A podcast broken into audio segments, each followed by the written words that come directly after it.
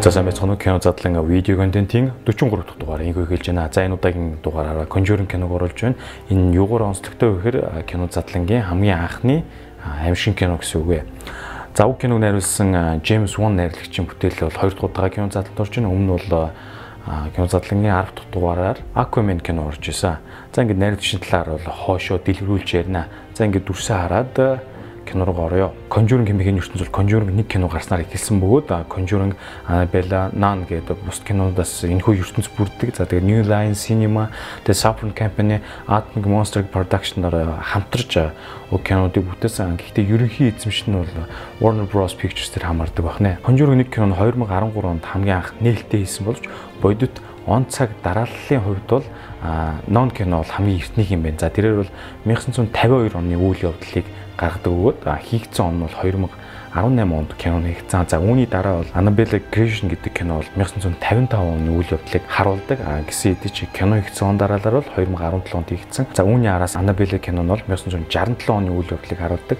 А тэгтээ кино нь 2014 онд хийгдсэн. А 1971 он буюу Conjuring 1 киноны үйл явдал орж ирнэ. Энэ бол 2013 онд хийгдсэн гэсэн үг. А 1971 оны үйл явдлыг бол Annabelle Comes Home гэсэн энэхүү кино харуулдаг. За энэ бол он цагийн хувьд 2019 онд хийгдсэн киногаа. За үүний араас бол 1973 онд үйл явдал нь болсон буюу The Curse of the Lauren гэсэн энэ кино урдгаа. Энэ бол 2019 онд хийгдсэн. 1976-аас 1977 оны үйл явдлыг харуулдаг хэсэг нь Conjuring 2 кино байна. Энэ бол 2016 онд дэлгэснээ ихсэн. За ингээд Conjuring-ийн ерөнхий энэ ертөнцийн таймлайныг харах юм бол ийм хөвцтэй байна. Та хүн дараах зургаас харж байна. Энэ хүн энэ Conjuring-ийн ертөнцийн кинонд бол нийтдээ 1.9 тэрбум долларын орлогыг олоод байгаа. Энэ бол дэлхийд даяар хамгийн өндөр ашиг орлого болсон цувралын дугаар хоёрт бичигдсэн байна. За нэгдүгürt бол Godzilla явж байгаа. За Conjuring-ийн Chad Hayes болон Kerry Hayes имэх ихэр ах トゥ ус бол зохиолыг бичсэн. Аа найруулагч нь бол James Wan орсон төрөө дээр дурдсан байгаа. 2013 онд уг бүтээл анх дэлгэснээр гарсан. Тэгээд киноны төсөв бол 20 сая ам долларын өртөгтэй байсан бөгөөд нийтдээ бокс офис 319 сая долларыг цуглуулж чадсан амжилттай бүтээл болсон. Тухайн үед бол Америк болон Канада зэрэг Conjuring кино маань нээлттэйс нийтдээ 112 минутын түвшрүүлсэн. За та хүн дүрснээс харж байна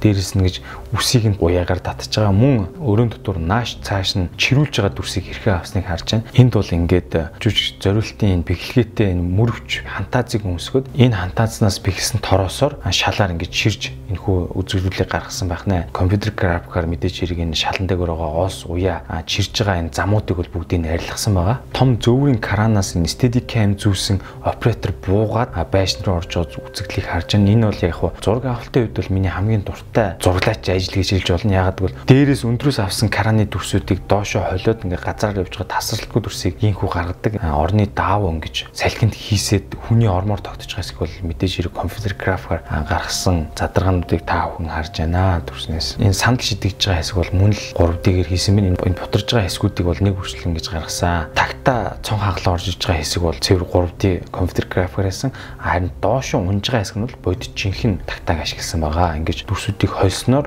дараах зөвлөлүүдийг гаргасан байна. Тухайн айлын нэг охин маань ингэж хан руу шидэгдээд хаалганы цонх хагарч байгаа хэсгийг бол компьютер графикаар гаргаж яг л бодит байдал төр ингэж шил цугуулж үсрэх юм бол жүжигтийг гимтийг аюул өндөртэй тийм учраас ингэж орлож гаргасан байх нэ. Мөн энэ хонгилд ингэж хүзүүний зүйлтээс нь татдаг хэсгийг бас цэвэр 3D-гээр хийсэн байна. Мөн энэ шувуу хаалганы цонхыг ирж мөргөж байгаа хэсгийг бол бодит төр их боломжгүй учраас CGI орлуулан хийжээ. За энэ олсоор хүзнээс нь татж байгаа хэсгийг хэрхэн гаргасан 3D Movie задаргаа дүрсийг та бүхэн харж байна. Conjuring 2 кино минь 2016 онд нээлттэйсэн. За найруулагч, зохиолч, хөгжмийн зохиолч болон кино багийнхан бүрэлдэхүүнээрээ баг ямар ч өөрчлөлт ороогүй энэ 2 дугаар ангид бүтсэн байх нэ.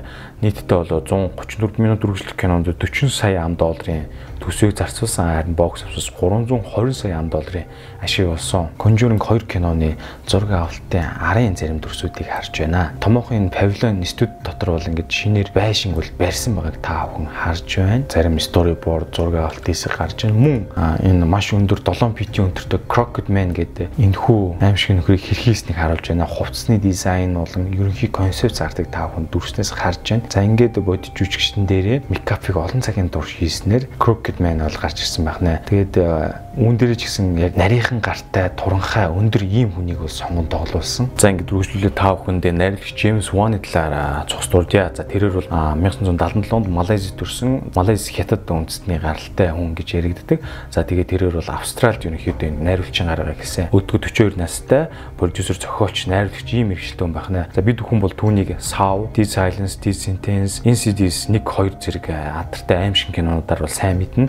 Мөн галзуур киноны 7 дугаар анги За Aquaman зэрэг кинонуудыг найруулсан. Үүний зэрэгцээ тэр галзуурдын 7 дугаар за Aquaman кино хоёр нь нэг тэрбум ам доллароос дээш давсан ашиг олсноро хоёр кинон иймэрхүү тэрбумаас дээш хэмжээний орлого олсон 8 дахь найруулагч хэмээн түүхэндээ бичигдсэн юм байна. Тиймээс Джеймс Ван бол их их амжилттай найруулагч гэдгийг энэ хүү кинонуудаараа харуулж байна. За тэрээр одоогор 14 кинонд найруулагч хийсэн, 23 кинонд продюсераар ажилласан, 13 кинонд зохиолч хийсэн юм байна. За эдгээр тоонд бол телевизэн цувралуудыг бол огт оруулаагүй.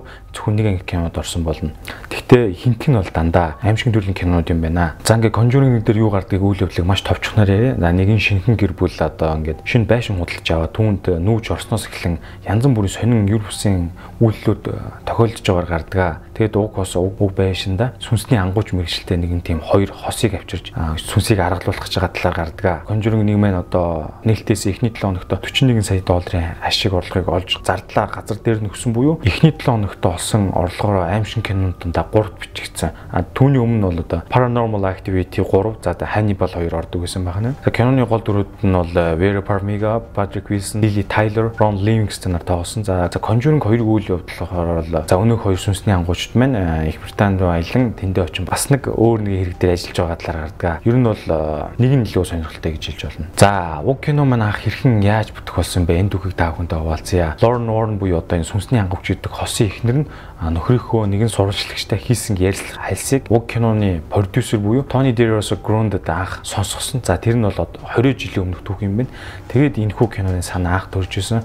За тэгээд тухайд бол Lauren бол бид энэ түүхийг бол одоо ингээ кино болгож чадахгүй бол өөр юу болохыг үнэхээр мэдэхгүй байна гэж хэлж исэн юм байгаа. Тэгээд киноны продюсер DeRosa Grunded бол 14 жилийн турш кино хийх гээд огт амжилт болж чадахгүй яваал байсан гэж байгаа. Олон киноны компаниудтай гэрээ хийх гээд энэ тал дээр зөвшөлтсөлд хүрч чадахгүй байсаар нэлээд нэлээд их цаг хугацааг алдсан юм байгаа.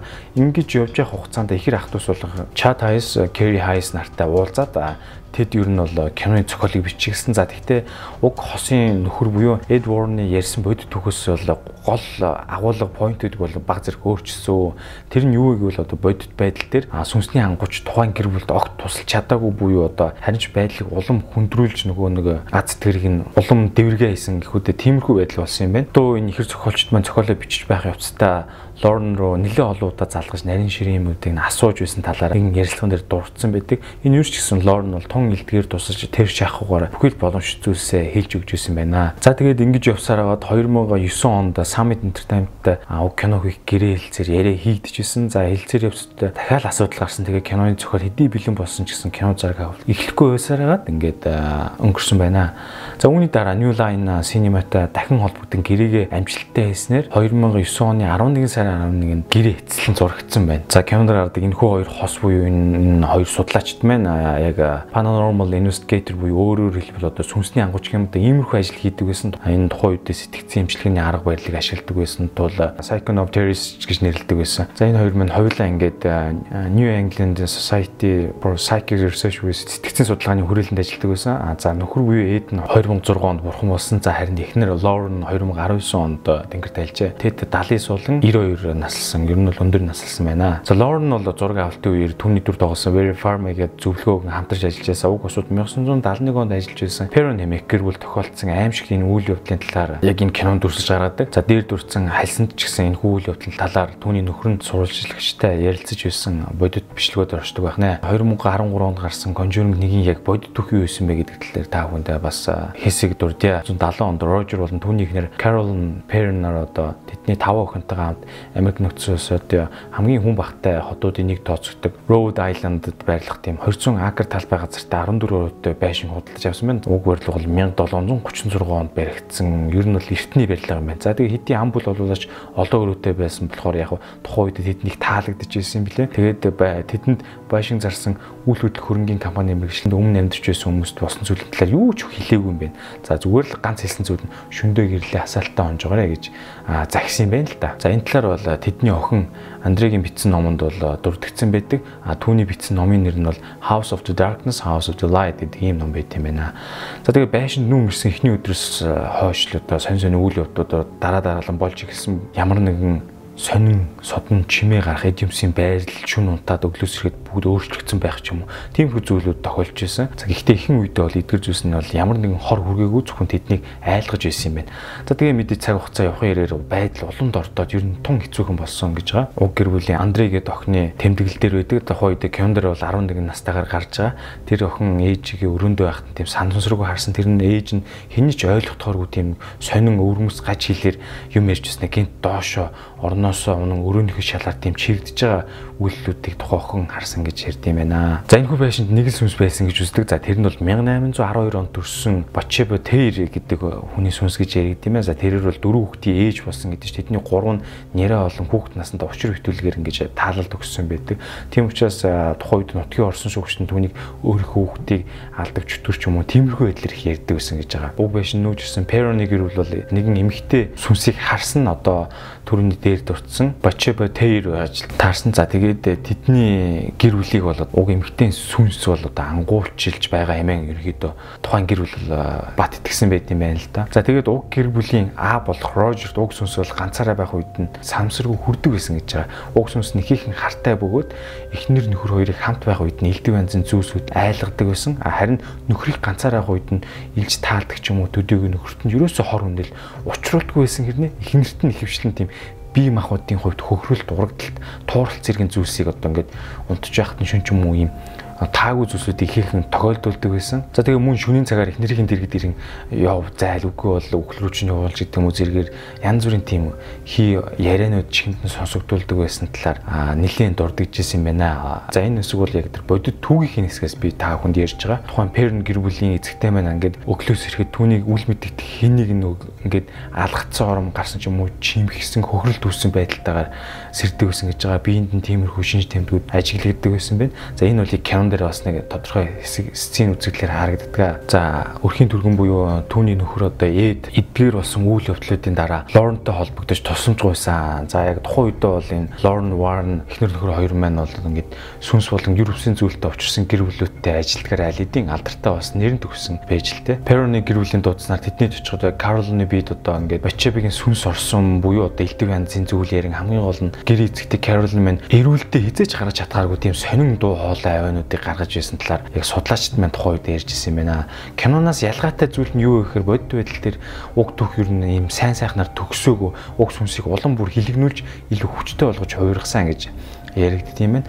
За тэгээд Warren-ы хосуудын одоо энэхүү хийсэн үйл ажиллагаа нь амжилтгүй болсонд бол тэд буцаж явсан. За харин Caroline гэрээзэгтэй Caroline-ы бие чингсэн сүнс нь орсон хэвээр үлдсэн гэж яригдт юм байна. Ийхүү санхүүгийн асуудлаас болоод уг хос маань уг байшинда бүхэлдэн 10 жилийн турш амьдарч байгаад эцэст 1980 онд байшингаа заран Жоржо мужи руу нүүж явжээ. Үүнээс хэдэн жилийн дараа охин Андрен одоо тэрхүү аимшигт байшинд хэрхэн аж төрж байсан талаараа ном бичсэн. Номын нэрийг би та бүхэн дээр дурдсан. Одоо энэ хүү үйл явдал болсон байш маань яг одоо хүртэл хин нэгэнд ингээл дамжин зарагцаар яваад идэм байх. Тухайн оршин суугчд нь юр бусын тэм зүйл тохиолцоор л байгааг энэ хөрхий. Жишээ нь юу болдгоо гэхээр нөгөө өрөөнд хинч байхгүй хот энийг нь ярих чимээ сонсогдох эсвэл хөлийн чимээ гарах хаалга нэгдэж хаагдж байгаа зэрэг тийм чимээнүүд байн гардаг нь бол наазах үзэл гэж байгаа. За тэгээд нэгэн удаа байшин худалдаж авсан залуу байшингаас хар уртаараа гүүж гараад эргэж хизээч ирээгүй эд юмсаа нүүлэлтийн компаниар дамжуулж авсан гэсэн тийм төвч гисэн бичигдсэн байдаг юм байна. Пероны гэр бүлээс өмнө бол тэр төв байшинд 8 үеэр нэгэн гэр бүл амьдарч байсан юм байна. За тэгээд тэднээс бол хинч уг байшингийн хараалаас мултарч чадаагүй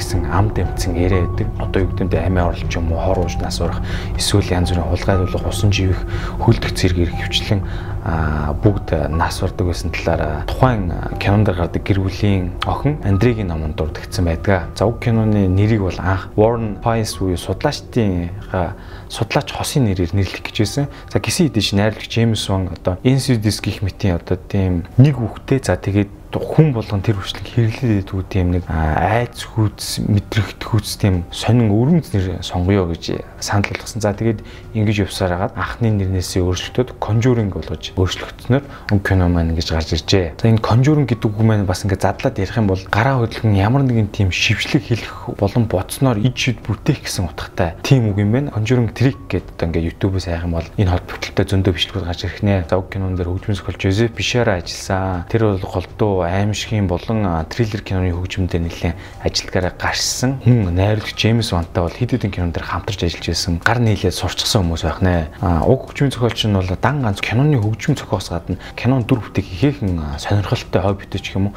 За тэгээд Джеймс Ван найруулагч хэд хэдэн кинон жижигхэн жижигхэн тийм туслах дүр бүтээг бүтээг явсан юм байлээ. Мөн Insidious 1 ба 2 кинон дээр цаашлаад Annabelle кинон дээр ч гэсэн бас нэг юм дүрээ мөнгөж тоглосон хэсгүүд гарагддаг. Тэгээд Джеймс Вон найруулагчид бол Лей Вонлтай хамтарч ажиллаагүй анхны аимшиг кино маань одоо энэ Conjuring ус юм байна. Ягаад тэгэхээр өмнөх бүх аимшиг кинонд энэ хоёр найруулагч нь хамтарч идэг байсан юм байна л да. За тэгж жаад Джеймс Вон маань гэдэг өөрөө битаа найруулсан хамгийн анхны аимшиг кино бол Conjuring ус таархан нь а түрүүний дээр түтсэн найруулагчтай бол Saw киноноос хойш хамтран цогтой ажиллаж байсан юм байна. Ер нь бол аимшиг киноны үйл явдал гэхээсээ илүүтэйгээр дуу хөгжим аян бол хүмүүсийг айлах сэтгэл зүйн хувьд эвгүй мэдрэмж төрүүлэх зорилготой байдаг яагаад гэвэл тэр нэг сүнс сүдэртэй тэр хэсгээр яг огцом тэр гинт чочоо хаяуд орж ирснээр киног улам бүр амлиулж идэг. А энэ киноны хувьд гэсэн мөн адил хөгжмийг бол үнэхээр сайн ашигласан. За бас нэг сонирхолтой баримт гэх юм бол зарим зүүн Азийн орнууд бол яг уг киног үзэхээр танхимд орж байгаа хүмүүсийг биений гүйдэх дотор нь мухарих ч юм уу гинт хүн чадраас гарч явах үйл хөдлөлтүүд нэлээд ажиглагдчихсэн юм байна. Идэж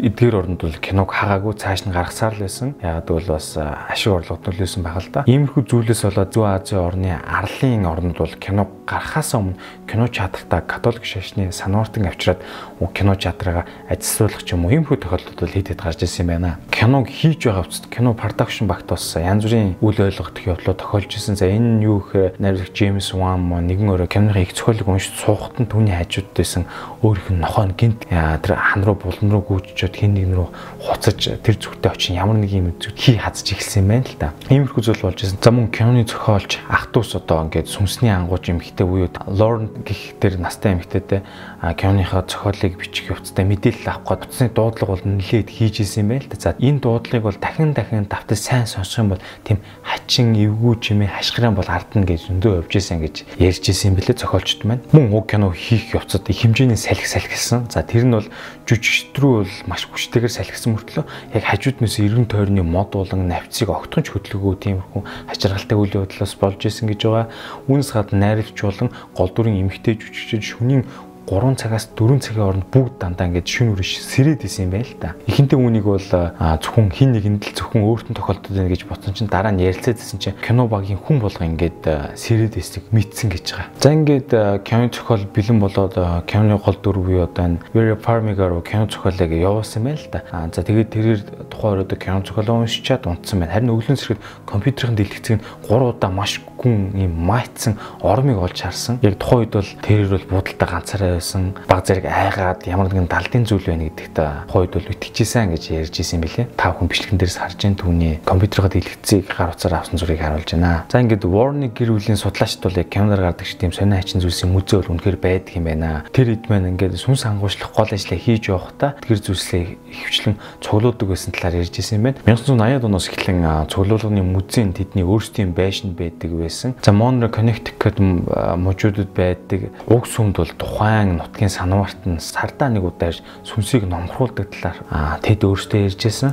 За би бас дээр түрүү дурдсан киноноос ялгаатай зүйл юу болсон бэ гэхээр тухайн айлд бүгд өтрийг зайлуулах ямар нэгэн өгүүлдлийг одоо энэ судлаач буюу Warren-ы гэр бүлийн энэ хоёр хос маань Perron-ы гэр бүлд ямар нэгэн юу ч хийгээгүй За харин бусад өөр төрлийн мэрэгжлэнүүд ирж зан үйлдвэрлэлийг хийж байсан талаар бас дурсан байдаг. Сүнсний ангаж уу энэ хоёр хосын гэрээ эцэгтэй эхнэр Лоренны хэлснээр бол одоо нөхөр Эд лам буюу одоо энэ санвартан байха болсноос хойш бүгж өдгөрийг зайлуулах уг үйлдэлийг бол огт хийгээгүй. Ер нь бол босоо гэж ярьж байсан. Лорен Ворн хэмээх хүний дүрийг бүтээсэн жүжигчин Vera Farmigaтай одоо л яг бодит Лорен бол ирж уулцсан. Та хүн дүрсэндээ сарж байгаа тэр үед тухайн цаг үед ер нь юу болж исэн бэ? Кино зохиол төр нэмэлтээр бичсэн зүйлс нь ер нь боломжтой байх талаар ингээд уг жүжигчин байна. Лорен гэх эмэгтэй зөвлөгөө өгч хамтран нэлээд их ажиллаж исэн юм байна. За тэгээд уг кино зураг авт бол мэдээж өөр байшинж өгсөн кино багийнхан 13 сая доллар зарцуул. Гэл мэгтэй мөж шинэ байшин барин тухайн байшин дотроо зураг авалт ихлүүлсэн. За уг байшинд одоо амьдардаг хосууд бол тэрхүү байшинд нь кинон дээр болохоор одоо өмнө амьдарчсэн хүмүүсийн нэр болон байшиг нь бодит төр ингээ хилээд гаргацдаг. Тийм учраас уг байшинг олоход л ихээхэн амархан байсан төдийгүй байшинг олсны дараа хүмүүс ингээ шөнийн цагаар дайрч орон дээр юм хулгай их ч юм уу. А тэднийг дээрлэгч юу нэхээхэн юм хохирол учруулж исэн байна. Тиймээс одоо уг гэрүүл маань одоо Warner Bros Pictures-ыг шүүхт өгсөн. Шүүхт гомдол гаргаад кино гарах хүртэл бид нар үнэхээр амгалан тайван амьдарч байсан. Тэгээ кино гарснаас хойш бидэнд бол зүгээр байх боломж олдог. Үүмийн самууд хэцүү байсан. Бидний гэр бүл яг цирк шиг болсон гэж тухайн шүүхийн гомдолтой битсэн байт юм байлээ. За ингээд найруулагч Джеймс Ван нэгэн ярьцлага өгсөн. Тэр ярьцлаганд бол түүний хамгийн дуртай аимшиг кино бол The Hunting гэдэг кино үт юм байна. Тэр киноноос авсан мэдрэмж, тэр киноныхаа энэ ерөнхий үзүмжлийг бол энэ Conjuring кинонд шингээхийг хүссэн гэж найруулагч маань ярьсан байна. За инхүү кино задлан видео контентын 43 дахь дугаар энэ дүрэнд өндөрлж байна. Энэхүү дугаарыг бүтээхэд гар бие оролцсон цэнгэлдээ маш их баярлалаа. Ингээд дараагийн дугаараар уулзтлаа. Түр баяртай.